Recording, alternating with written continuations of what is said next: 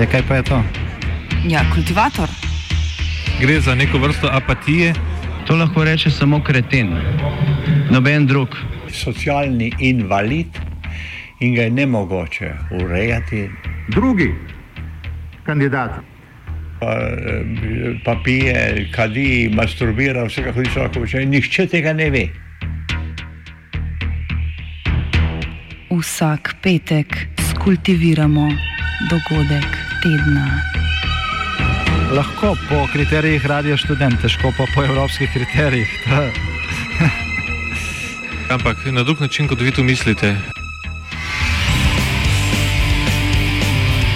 Kultivator vedno užge. Da pač nekdo sploh omenja probleme, ki so, in da pravzaprav sploh nekdo sproži dogajanje uh, v družbi. To drži, drži. Petič proti koroni. Državni zbor je včeraj sprejel pet, peti svežen ukrepov za pomoč gospodarstvu, ki se je znašlo v recesiji zaradi epidemije COVID-19 in ukrepov za omejevanje širjenja virusa. Trenutne projekcije napovedujejo, da se bo gospodarstvo skrčilo za 6 do 10 odstotkov, kar pomeni, da bo bruto domači proizvod za 3 do 5 milijard nižji. To luknjo deloma krpajo protikoronski ukrepi, ki bodo letos presegli 4 milijarde evrov.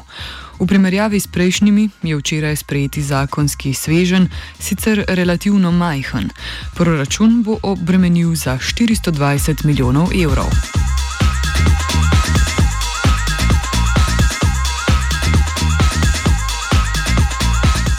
Najpomembnejša ukrepa sta nadaljevanje z izplačili plač za čakanje na delo na domu ter izplačilo plač za delavce v karanteni. Tisti, ki ne delajo zaradi prisilne karantene ali pa iz takšnih ali drugačnih razlogov ne morejo delati zaradi posledic pandemije, bodo plačo prejeli iz državnega proračuna. Ta dohodek bodo dobili tudi samozaposleni, družbeniki in kmetje, ki jim bo, tako kot spomladi v času razglasa epidemije, pripadal univerzalni temeljni dohodek v višini do 100 tisoč. 1100 evrov. Manj 700 evrov pripada samozaposlenim v kulturi. Poleg tega nadomestilo za plače po novem pripada tudi tistim staršem, ki so morali ostati doma zato, ker je moral v karanteno njihov otrok.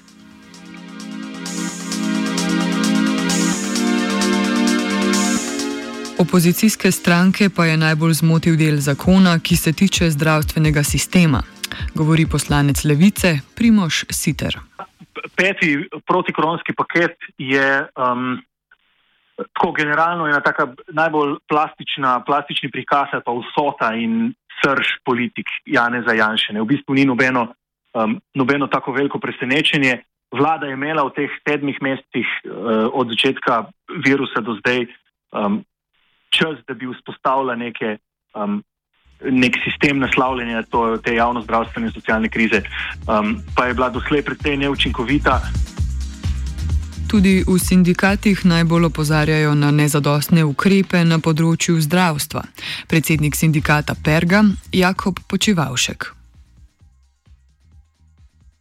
No, problem pred petega protikoronskega zakona je v tem, da poleg teh ukrepov, ki ne bi uh, ohranjali delovna mesta, kar seveda je za pozdraviti in temu nikoli nismo nasprotovali, uh, vsebuje pač tudi nekatere druge rešitve, ki so pa za nas izrazito problematične in smo to zagovarjali tudi tekom celotnega postopka usklajevanja tega zakona. Tukaj gre na eni strani za vprašanje posegov v zdravstvo, zlasti nacionalni razpis za tako imenovano domnevno skrajševanje čakalnih vrst kjer se omogoča neka nelojalna konkurenca javnim zavodom strani zasebnih izvajalcev zdravstvenih storitev, vsebuje pa tudi nekaj, nekaj določb, ki se nanašajo na, na zaposlene v javnem sektorju, posegajo v njihov položaj, kljub temu, da sindikati javnega sektorja ni bil voden noben dialog. Tukaj gre zlasti za možnost recimo premeščanja zaposlenih brez njihovega soglasja, čeprav je bilo v socialnem dialogu dogovorjeno, da bi bila ta možnost soglasjem. Uh, tudi višina dodatka se je tekom zakonodajnega postopka znižala od tistega, kar je bilo dogovorjeno.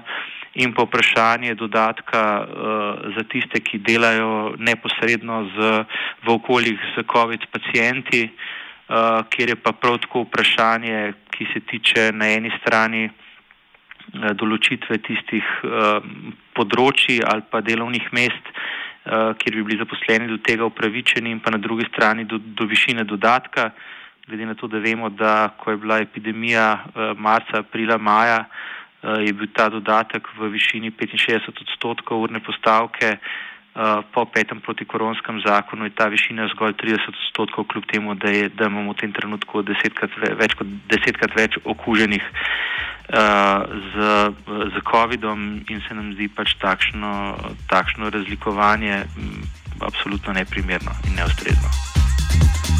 Letošnji proračun bo zaradi ukrepov za podporo gospodarstvu pridelal več kot 4 milijarde evrov primankljaja.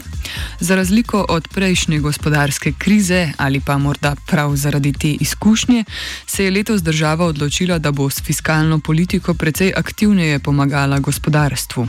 Na današnji novinarski konferenci je to politiko požegnal tudi fiskalni svet. Predsednik sveta Davorin Kračun. Uh. Torej, fiskalni svet je ocenil, da je eh, osnovna orientacija ukrepov sicer pravilna. Eh, hkrati pa je izrazil zaskrbljenost eh, zaradi možnosti, da bo, eh, da bo poraba višja, kot je, eh, kot je smiselno. In eh, predvsem, ko ločimo med, eh, eh ko izločimo COVID ukrepe, vidimo, da tudi sicer Eh, poraba narašča, uh, narašča bolj, ko, uh, kot, bi, kot bi bil. Torej, da, da je rast porabe lahko zaskrblju, zaskrbljujoča.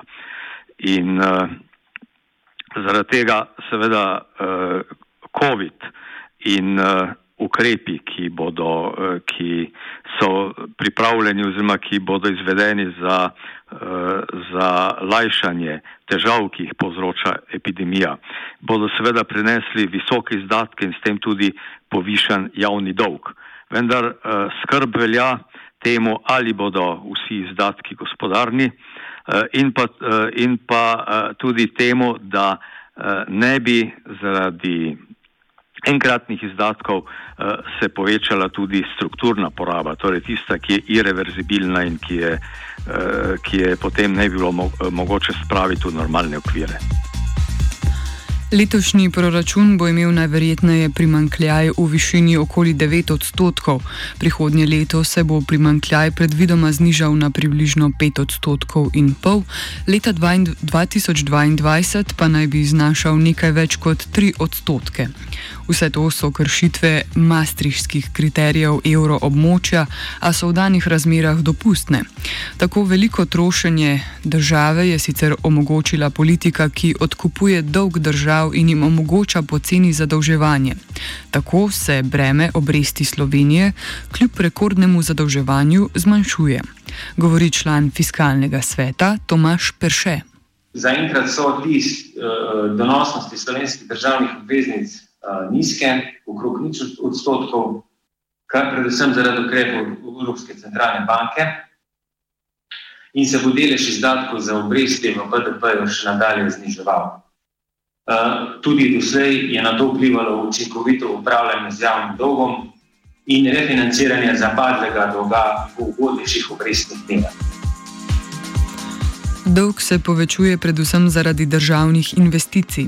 Te se bodo tako na račun evropskih sredstev, kot tudi s povečanjem domačih proračunskih postavk zvišale kar za 40 odstotkov, za kar v zgodovini Slovenije ni primerjave.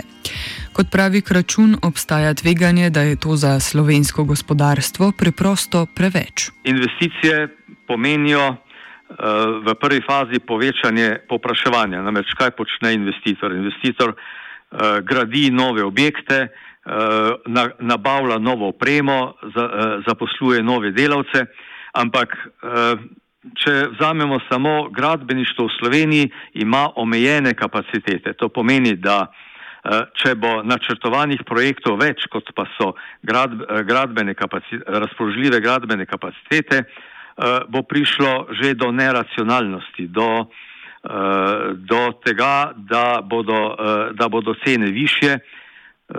Ali, ali, torej, preveč investicij hkrati pomeni preveč denarja, prevelika kupna moč v obtoku, ki, je, ni mogoče, ki nima ustrezne protivrednosti v ponudbi.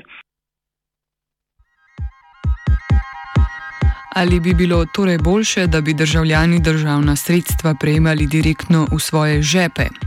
Na ta način bi se povečala domača potrošnja, velik del katere predstavljajo storitve, v katerih je zaposlen največji delež ljudi. A račun ima pomisleke tudi glede tega. No, veste, direktna denarna pomoč je vedno delikatna. Na vsak način uh, mora biti usmerjena k tistim, ki jo potrebujejo, ampak uh, predvsem uh, obstajajo določene, določeni segmenti zelo iznajdljivega prebivalstva, uh, zaradi katerih se lahko ob uh, močnem povečanju takšne, uh, takšne pomo pomoči dogajajo zlorabe, ki uh, imajo na siceršno socialno uh, kohezijo uh, družbe uh, zelo, uh, lahko zelo negativen učinek. V slovenski ekonomski politiki, ki sledi možnostim, ki jih je odprla politika Evropske unije kot celote, predvsem pa Evropske centralne banke, smo priča temu, da lahko država, ki upravlja svojo valuto, financira vsakršno gospodarsko dejavnost, ki jo omogočajo človeški in tehnološki viri. Tako fiskalna kot tudi monetarna politika sta v resnici podrejeni tem objektivnim okoliščinam. Situacija je tako zrcalna podoba dolžniške krize, ko je fiskalna politika onemogočila gospodarsko dejavnost, s tem pa blaginjo, za katero ni bilo nobenih objektivnih preprek. Dela željnih rok je bilo na pretek, tudi tehnološke zmožnosti se niso bistveno spremenile. Danes je kapitala za zagon gospodarstva še preveč, težava pa je, da morajo nekatere dejavnosti počakati na čas po epidemiji. Dobra novica je vsaj to, da nas bodo očitno počakali še neizkoriščeni turistični boni. Vlada namreč obljublja, da jih bomo lahko koristili tudi po novem letu.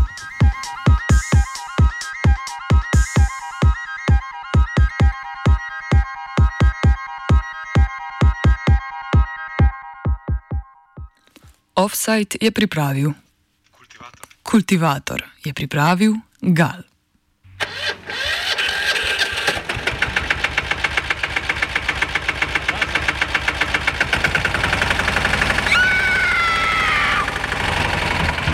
E, kaj pa je to? Ja, kultivator.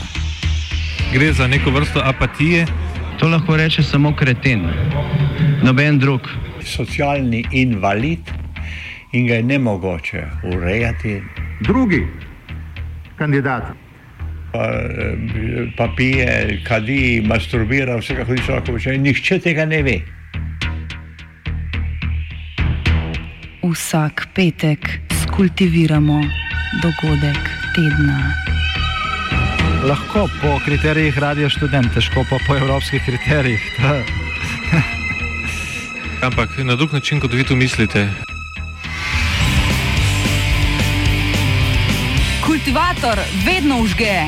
Da pač nekdo sploh omenja probleme, ki so, in da pravzaprav sploh nekdo sproži dogajanje uh, v družbi. To drži, drži.